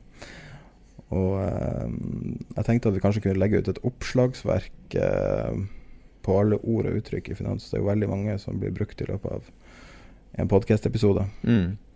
Alt fra Berkshire Hathaway til Alfa til CDS, for eksempel. Ja. Ja, og kan sette oss sammen og lage et oppslagsverk der og prøve å gjøre det komplett. Ja. Det tror jeg ville ha vært et fordel for folk som hører på, som um, enten hører på eller leser, som ikke helt skjønner alle begrepene. Og sånn sånn jeg lærte meg finans opprinnelig. Ja. et sånn oppslagsverk. Ja, jeg, det, altså, det blir jo spurt om det. Jeg, jeg fikk det også i forbindelse med at jeg hadde skrevet en blogg. Det var en som sa at syntes det var veldig bra der, men det var mange uttrykk som man ikke, ikke forsto. Um, og det er klart at det kan alltid bli bedre. Eh, hensikten er ikke å bruke uttrykk som, eh, som ingen forstår hva er. Jo, men det handler jo om presisjon også. Altså. Det gjør det. Absolutt. I norske medier så er det jo ofte at alle finansielle roller omtales som megler, når i realiteten at megler er et nesten utfasa konsept. Mm. Det er vel en brøkdel av meglerne som er igjen som posisjoner. Ja. Som, som rene meglere, ja. Helt, helt sikkert. Eh, Men det var bare et lite tips i forhold til Financial Times. Og det er noe som funker på noen nettsteder. Dessverre ikke så mange i Norge lenger. Det var en del sånne myke paywalls og har masse sånne hacker før i tida. Mm. Man blir jo ruinert hvis man skal betale for alt, men det spørs hvor mye de tingene betyr lenger. Altså, altså nyhetsflommen. Altså hvor Du får det jo inn i alle kanaler, liksom. Det er veldig lett at det blir for mye. Ja, altså jeg, jeg bruker ikke til, eh, til å, å, bestemme altså om jeg skal kjøpe eller selge. Ikke i det hele tatt. Altså, det kan være at jeg ser en bevegelse, og, og, så sjekker bare for å se hva var det som drev den, men i, men i utgangspunktet av den, så jeg egentlig Altså så håndterer jeg bevegelsen.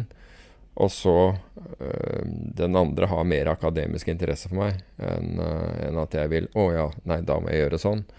Uh, I dag så leser maskiner de med mikro- eller millisekunders hastighet å reagere på det. Så det å tro at jeg skal lese en nyhet og kunne agere på den eh, profitabelt altså Det kan hende at jeg gjør en eller annen gang. Altså at, at, jeg kunne ha gjort det en eller annen gang.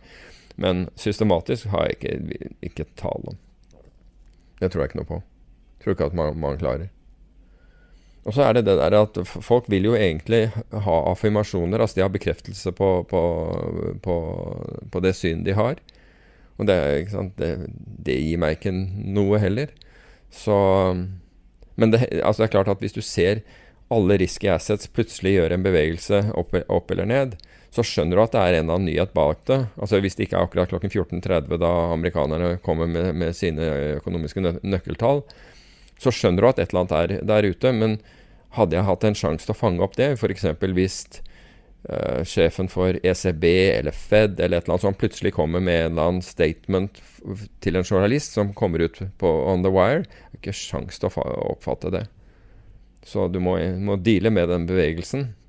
Enten går den i din favør, eller så går den altså hvis du har posisjon, eller så går den mot deg. Så må du på en måte risk manage det, og så får det andre være akademisk. altså. Og så kan man jo også outsource jobbinga. Det er jo noen som er helt hysterisk opptatt av, av å være tidlig ute med informasjon. Og hvis man klarer å filtrere bort f.eks. Zero Hedge sine politiske saker, som er helt mm. merkelige ofte eh, Hvis du klarer å se på når de er på finans De har jo veldig, veldig ofte fingeren på pulsen mm. over hva som skjer i millisekunder. Så man trenger kanskje ikke å være så hysterisk, men hvis man har dem oppe på sida f.eks. i stedet for å ha f.eks. en Bloomberg-terminal, ja. så tror jeg du får ganske mye igjen for det. Altså.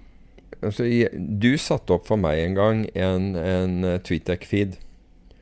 Uh, og da hadde jeg jo Bloomberg også. Men jeg hadde jo, den hadde jeg, altså fordelen med den feeden du satte opp, det var at den var raskere. Og hvorfor er den raskere? Og nå snakker jeg ikke om annonserte nyheter, men når, når, når ting kom. Det er fordi den skal ikke gjennom de verifikasjonssjekkene som, som f.eks. Bloomberg eller New York Times eller Financial Times eller hvem det måtte være, har. Og dermed så fikk jeg det. Kom det jo raskere, faktisk, det du, du satte opp på Tweeteken, enn Bruker det fortsatt? Ja.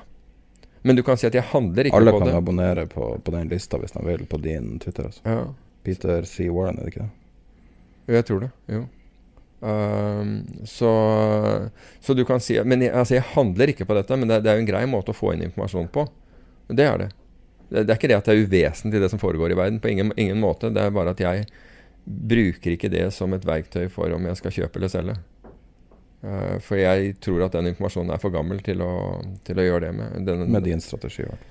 Ja, med min strategi. Ja, altså du kan gjøre det hvis du er high frequency eh, trading, men da skal du hente denne informasjonen. Den skal analyseres, tolkes, og, og en, eh, en, ordre skal sendes til markedet. Og det da, skal da, vil da skje i løpet av millisekunder.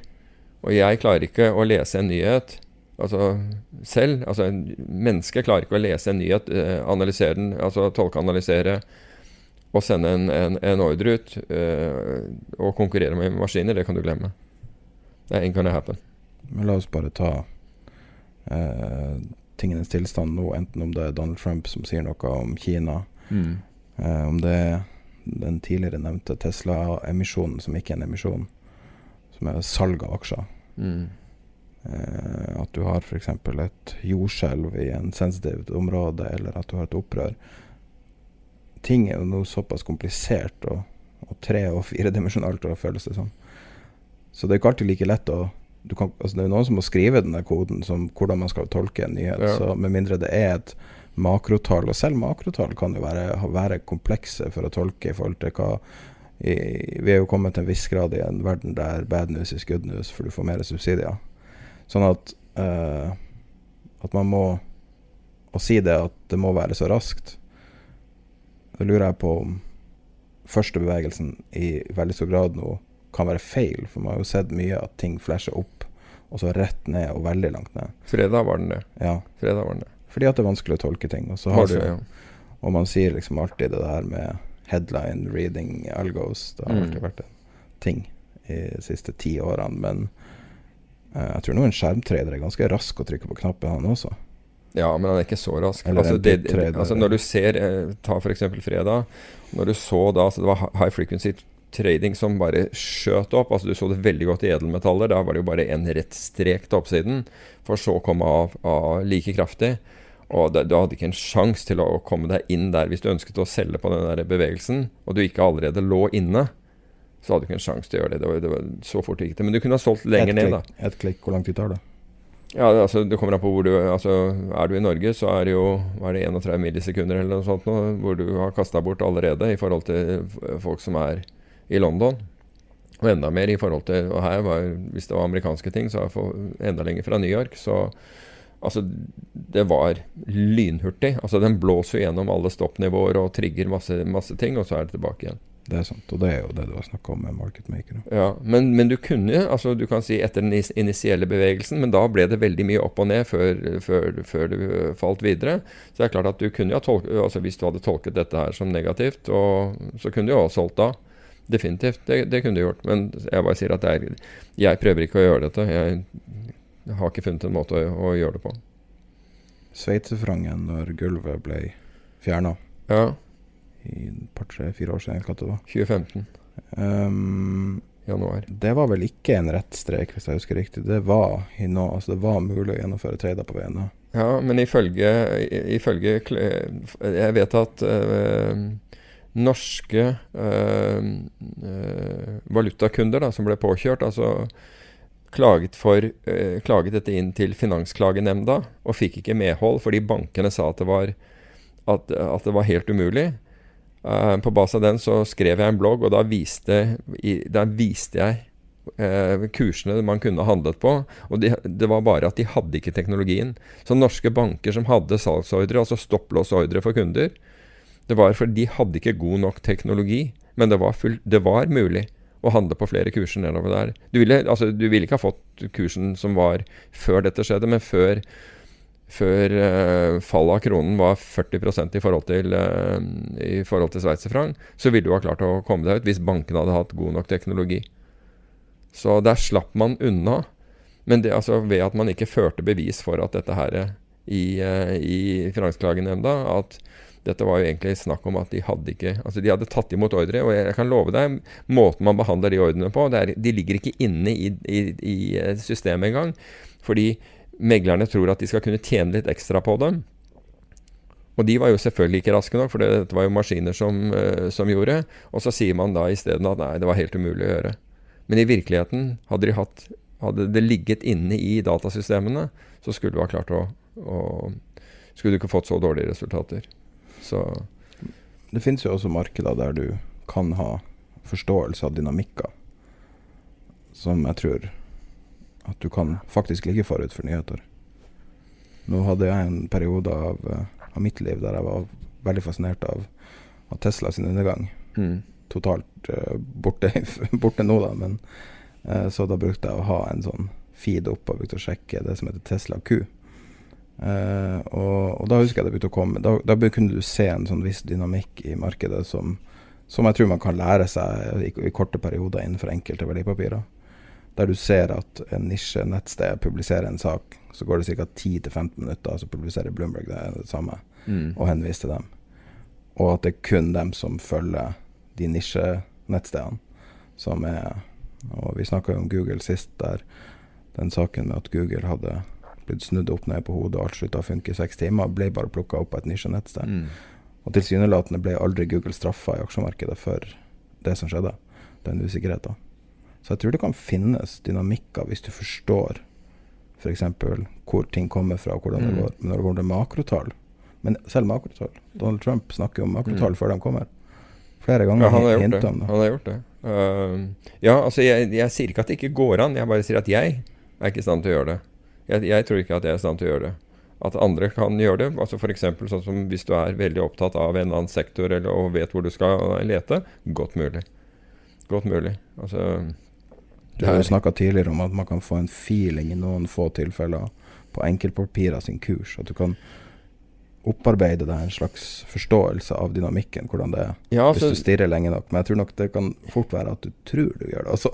Ja, det, men du kan si at vi, vi lurte jo på det. Altså, vi, vi så jo dette her. og jeg har prøvd å analysere og jeg har prøvd også å, å, å snakke med om folk som, som, som både kan uh, fysiologi og, og, teknologi. For jeg forsto heller ikke hva jeg så. Og når folk satt ved siden av meg og sa at det, det, rører seg jo ikke hva, hva, du snakker om, det er jo ikke noe bevegelse her.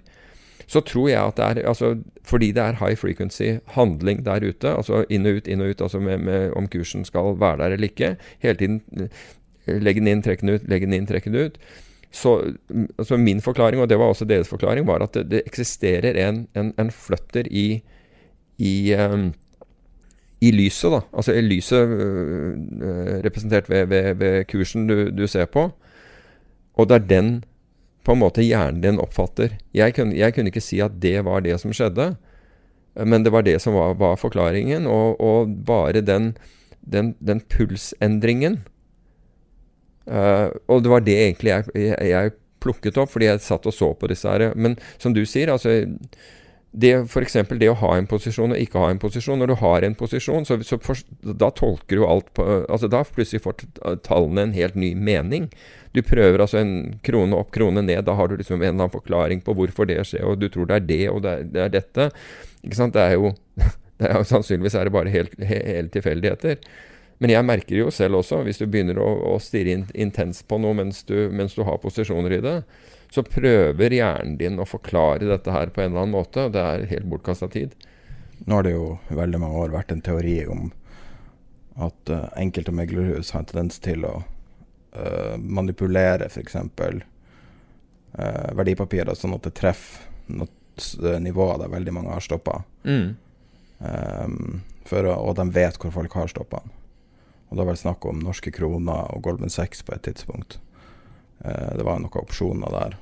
Mm -hmm. eh, og at, uh, at, du får en sånn spike ned og treffer et veldig, veldig spesifikt nivå. Uh, som da sørger for at noe ikke blir utbetalt, eller blir utbetalt. Ja, det var Morgan Stanley. Den digitale opsjonen. Ja, Morgan Stanley. Jeg husker det, jeg vet hva du refererte til, ja. Nå var det ikke meninga å trekke Golden 6 inn, det kunne like gjerne vært dem, liksom. Ja, ja. Og det har vært snakk om det i, i titalls år. og og i den bransjen kalles det vel frontrunning.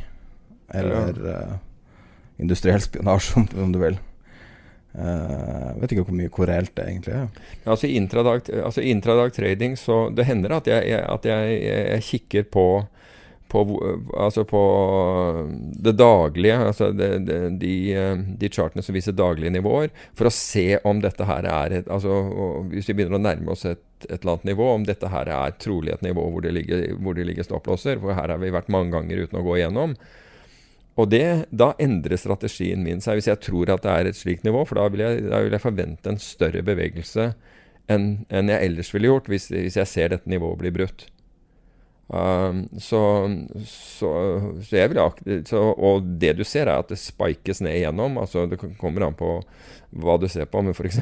gull og edelmetaller som eh, Så der kan du plutselig se sånne spiker utløse fem til ti dollar bevegelse på no time. Altså det går på godt under et sekund.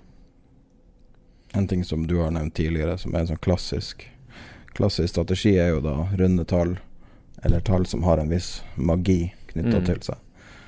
Eh, om det er 100 eller 1000 eller 420 eller hva det er som 24 Tesla. Ja. Så er det noen tall som tradere henger seg opp i, mm. og er mer obs på, og kanskje graviterer mot dem når de setter sine egne stopper, ja. eller kjøpsposisjoner. Og da har vel Jeg tror vi snakka om det en gang, og da var vel greia at enten går det rett gjennom og fortsetter, eller så går det rett gjennom og snur. Mm. Eller, eller, kanskje ingen av delene. Jeg vet ikke. Har du noe erfaring med å bruke sånne strategier? Nei, men jeg, altså jeg tenker jo at uh, det, det, det, er det Priestley og Hodneland som hele tiden går løs på uh, oljefondet når det gjelder deres aktiv forvaltning, og sier at det er, det, er ikke noe vits i å drive aktiv forvaltning, ingen får det til og alt mulig sånn. Og de har selvfølgelig De glemmer da sånne eh, forvaltere som Renaissance, eh? Med, med deres medaljenfond, som har gjort dette nå i 30 år, har de slått markedene. Og det samme med Two Sigma og disse her. Um, og hvorfor gjør de det? Jo, de gjør det på base av mønstergjenkjennelse. Så det er ren mønstergjenkjennelse som er, til grunn for det. Og high frequency-tradere gjør det på base av mønstergjenkjennelse av ordreboken intradag. Så at det fins nivåer. Altså, disse ville ikke tjene penger. Altså, nå ser du Virtue opp uh, over 70% i år. De, uh, det er et børsnotert selskap. Uh, de ville ikke tjene penger hvis det ikke fantes mønstre. Så, så svaret er ja på det.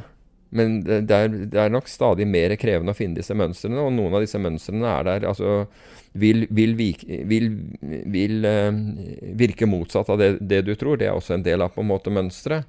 Trigges, og så kommer det tilbake igjen. Fordi de skjønner at her blir det mye her, Hvis det nivået går, så kommer mange til å gjøre sånn.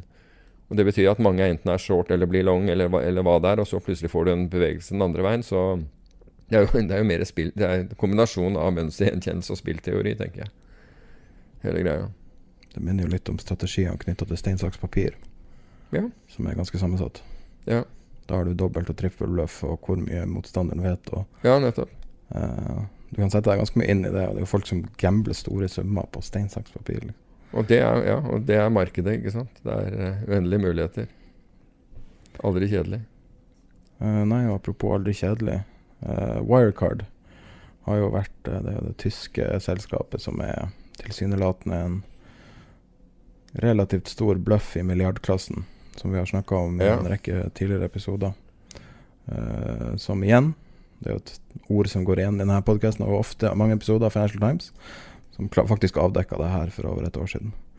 Og hva er det som skjer der nå, egentlig? To signifikante ting skjedde i forrige uke. Det ene var at det tyske parlamentet vedtok da å, å, etterforske dette her, og så ha høring på det. Du, jeg vet ikke om du husker dette, men, det, men tyske finanstilsynet gikk jo etter disse eh, Financial Times-journalistene, ikke sant? Har du sett hva som er blitt avdekket når det gjelder det tyske finanstilsynet og Wirecard? Der er det ansatte i tyske finanstilsynet som var investert. Som hadde kjøpt Wirecard. Som satt med Wirecard-aksjer. Tro det eller ei. Så det, det, det, går ikke an å riste på hodet på en podkast. Det, det, er helt, altså, det er helt utrolig. Så, så, det tyske parlamentet har nå da fordi de tror ikke at Finanstilsynet i Tyskland kommer til å være særlig objektiv når det gjelder dette. Det var det ene. Så dette skjedde tror jeg var den, det, Dette var 1.9. Og 3.9. kom da nyheten om at tyske, at tyske påtalemyndigheter dropper saken mot disse Financial Times-journalistene. Så der, had, der, har man kjørt hele veien mot de to journalistene i Financial Times som oppdaget hva som skjedde. Vet vi hvordan de oppdaga det? Uh, ja, jeg mener, at, eh, jeg mener, at, de ble tipset. At, at, det kom et tips, og så begynte de å undersøke. Var de, var, jeg, jeg, mener at tipset kom fra en hedgefondforvalter. Det er det jeg lurer på, for det, det, er det det lukter. Det. Ja, en hedgefondforvalter ga liksom den første, og så jeg, jeg, mener at jeg har hørt intervju med, med, han ene, og han sier da at nettopp fordi det kom fra hedgefondforvalter, så tenkte vi liksom at dette var noen som ville påvirke kursen. Så vi var liksom skeptiske til hele greia. Men da vi begynte å gjøre undersøkelser, så finner vi da ut at dette stemmer jo faktisk. Her er det noe gærent. Og så skriver de om dette. Og ut av det blå så kommer det tyske eh, finanstilsynet og sier at de vil og truer med å saksøke dem uh, for, det, for, for, for, disse avsløringene. Det er liksom Veldig utysk. Tyskland er så ryddig land. Ja, veldig. Men det er jo ikke veldig ryddig når, eh, når eh, folk i Finanstilsynet sitter med, med Wirecard-aksjer og samtidig skal drive og beslutte hva de skal gjøre med selskapet. Den er ganske artig. Så nå er det kommet opp på parlamentarisk nivå. Og det er jo, det, det er jo bra, for altså, man, man, stilte ingen altså, i, i, USA, amerikanske finanstilsyn i forbindelse med Madoff, som du nevnte, de hadde blitt advart og advart og advart mot at det var noe galt med resultatene til Madoff, og gjorde ingenting med det. Gjorde ikke engang stedlig tilsyn, før det da mange, mange år senere viste at hele greia var en svindel. Og ingenting skjedde med Finanstilsynet etter det, men her kan jo faktisk noe begynne å skje. Det er jo jaggu på tide at noen, å, at noen, på et høyere nivå begynner å se på hva, de, hva, disse, hva disse, driver med. Så, så det var eh, dårlige nyheter for eh, det tyske finanstilsynet og gode nyheter for, eh, for Financial Times-journalistene i forrige uke. Bare se litt på tidslinja her. Når det, starta? det starta i 2015. Mm. Der uh, Financial Times publiserte noe som heter House of Wirecard. På den der uh, ultranerdesida til FT som heter Alphaville. Ja. Den er for så vidt gratis også, noe som anbefaler å følge Alfa, med på. Alfa vil jeg bra. Ja. De kan glimte til med fantastiske ting. Uh, og, og det var første gangen de omtalte Det er jo mye tidligere enn jeg, Det har stått tidligere. da. Mm. Og da sier de at det var et 250 millioner euro hull i balance-sheeten deres. Ja. For fem år siden. Og som da viser seg at det var 1,9 milliarder hull i balance-sheeten til, til slutt. Ja, det er kanskje enda større, men det, er, Inflasjon det mangler i hvert fall 1,9 milliarder. Det er, så det holder. 2016 publiserte en anonym shortselger Mm. eh, som hadde eh, synonymet Satara. Publiserte masse eh, Ja, samme, i samme ulla, da. Så money laundering. Eh, Knytta til eh, Bafin også, som er det tyske regulatoriske organet. Eh, og snakka om markedsmanipulasjon allerede da. Ja. Så regulatorisk må det jo være det groveste som har skjedd noen gang. ja, det der virker Altså Men eh, jeg vet ikke om, om et eneste tilfelle hvor Finanstilsynet sånn, har gått mot varslerne og, og truet med å, med å saksøke dem. Det er jo helt voldsomt. Altså ut, Nei, men med uten å undersøke saken. Ja, men uten å undersøke saken. Det, jeg vet ikke om det er jeg, hvor, det, hvor det har skjedd. I Norge er det jo strenge regler på sånn. Jeg tviler veldig på at Finanstilsynet har lov å eie aksjer. Ja, det tviler jeg også. De har sikkert fem år. Ja, De kan, de kan sikkert eie aksjefond og sånne ting. Det vil jeg tro at de, de kan gjøre. Jeg, det vet jeg ikke.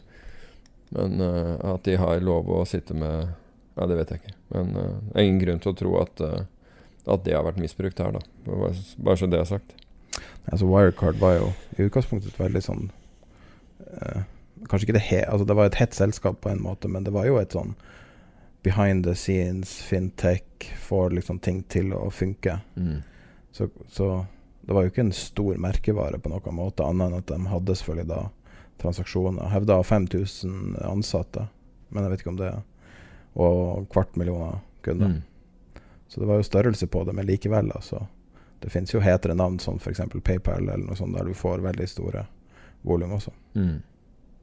Men uh, Nei, det er en syk, syk story. Mm. Ser ut som det starta i Singapore. En whistleblower. Og, og, det var rett, eh, og det var da FT gikk tilbake. da Sikkert fordi at de kjente selskapet så godt, skulle jeg tro. Nei, det er uvanlig. Uvanlig bra jobb av dem. Ja, det syns jeg også. Det er, eh, det er Men det, det Altså, få, bely, få belyst det er, det er det viktige her, tror jeg. Ja. Så, Du har jo vært på saken hele veien. Eh, Airbnb har uh, skal børsnotere seg og ville ikke ta imot penger fra Pershing Square. Ja, altså Pershing Square satte jo opp dette egne fondet. Altså de, Han fikk jo inn Visstnok han måtte stoppe emisjonen av dette SPAC-fondet, altså Special Purpose Acquisition Company, hvor man da kjøper seg opp i, i, i, i selskaper som skal på, på børs. Eh, Så han, han fikk fylt opp alt, alt han skulle ha. Eh, var det fire milliarder dollar han fikk inn, uh, Bill Ackman. Men han prøvde da å, å gjøre en avtale med Airbnb. Men det som er det interessante med her, er at han kommer nå i konflikt med Morgan Stanley og Goldman Sachs, som på en måte skal, skal børsnotere dette selskapet. Så, så det blir litt sånn Altså det plutselig blir et hedgefond som prøver å ta rollen som investeringsbanker har. Eh, Så det er litt sånn spennende. Men nå takket jo Airbnb nei, da. Det, det skal sies. Men eh, det er ikke noe Det er bare en litt sånn artig vri. Eh, Det, det virker som, som meglerne nå plutselig blir utfordret av andre finansielle aktører på, på akkurat den, på den rollen der. Og det kunne det jo meget godt blitt i og med at han har, han har kapitalen. Han kunne gått inn og gjort dette selv. Det har alltid vært et gråmarked for sånne store selskapet som skal børsnotere seg, Mm. kanskje om et år eller ti, der ansatte får betalt stort sett i opsjoner og ditt og datt. Så her får det bare en utvikling på det. Ja. Eh, Du har bare notert noe veldig kryptisk her. Hedgefondsforvaltere til Amazon, NBIM og Fredriksen. Ja, for nå har vi jo Tangen. altså det, Jeg tenkte jo litt på, den, på debatten som var på NRK, da en av disse som var med i den debatten, liksom spyttet ut det der at Tangen var en hedgefondsforvalter og var liksom helt uegna til å til å være sjef for, for, for oljefondet. Men det er, liksom, det er, litt interessant å se at uh, Altså Sjefen for Amazon han var også tidligere hedgefondforvalter. Det er et av verdens største selskaper. Så Jeff Bezos var jo i DE Shaw før han gikk til uh, før, før, før, Amazon. Og nå så jeg at Fredriksen uh, uh, har, da, har, da, ansatt Tor Svelland. Som Han drev Svelland Capital, tidligere Goldman Sachs-kar som jobbet for Trafigura. Og de har da ansatt han som, som administrerende i Sea Tankers. Så det er så det ser ut som det har fått en litt sånn renessanse å være, å, være, være hedgefondforvaltere. Det er da er du ikke liksom persona non grata. Det ser ut som noen av de store der ute faktisk eh, plukker opp nettopp, eh, nettopp, folk med den, den bredere erfaringen da, fra markedene. Ja, det er jo en bransje kjent for uvanlig smarte folk, så det er jo egentlig ikke en overraskelse at verdens rikeste har jobbet med. Um, jeg tror vi skal runde av. Nå har vi en relativt lang episode, men uh, du hadde et boktips på tampen? Ja, og det er fordi mange har spurt om opsjoner. og Jeg, jeg skjønner ikke hvorfor jeg ikke har kommet på, på, på, på boken til Espen, og dette er Espen Gaarderhaug. Um, Espen jobbet da uh, Første gang jeg traff han, så jobbet han for Chase Manhattan her i, i Oslo. Uh, jobbet deretter for Chase Manhattan i London, og så gikk han til New York, hvor han jobbet da uh, for et hedgefond som het Amaranth, som for øvrig hadde kontorer Eller, eller Nasim Taleh var i samme bygning med, med, sitt fond. Det var ute i Connecticut, og så ble han prop-trader hos JP Morgan i, i, New York. Og nå er han professor ved det som tidligere var Landbrukshøgskolen i Ås. Uh, han, Espen har bakgrunn som, som, i tillegg til å være rå i matte, så har han bakgrunn fra, fra, fra, fra landbruket. Um, men i hvert fall boken hans, uh, som heter 'Derivatives Models on Models', har i tillegg til alle de formlene du kan tenke deg, og, og beskrivelsene av uh, forskjellige uh, måter å beregne opsjonspriser på, har, den har da intervjuer med bl.a. Nasim Taleb, Thorpe, Paul Wilmot og Emmanuel Derman er uh, intervjuet der. Så dette er jo en bok som, uh, som for de som interesserer seg for opsjoner Nå snakker vi ikke om opsjonsstrategier og den type ting, men matematikken bak opsjoner, hvordan beregne og, og forskjellige typer distribusjoner, og uttalelsene til Eh, til ekstremt kvantitative mennesker på området, som også Espen er, bare så det er sagt. Veldig kvantitativ. Um, men den, det er, en, det er, virkelig en bok jeg anbefaler. Så Derivatives, Models on Models av Espen Gaarderhaug. Hvis jeg finner den uh, på netthandel, skal jeg legge den som link til uh, i beskrivelsen av denne podkasten. Kjempebra. Da avslutter vi i dag. Ha det bra.